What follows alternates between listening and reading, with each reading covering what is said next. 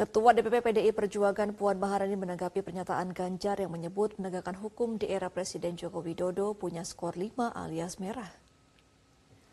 Puan meyakini Ganjar memiliki data soal penegakan hukum di Indonesia.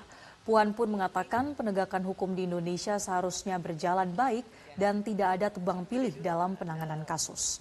Puan meyakini siapa pun presiden yang terpilih nanti bisa mengawal penegakan hukum dengan baik. 국내 문제에 대해서 대답하실 거라고요. 의장님들은 모두 나가셨는데. Ganjar menyatakan hal tersebut pasti mempunyai data yang beliau sampaikan. Nah, hal-hal tersebut yang bisa saya sampaikan adalah bahwa semua penegakan hukum yang ada di Indonesia tentu saja harus berjalan dengan baik, sesuai dengan koridornya, tanpa kemudian membeda-bedakan atau kemudian ada tebang pilih.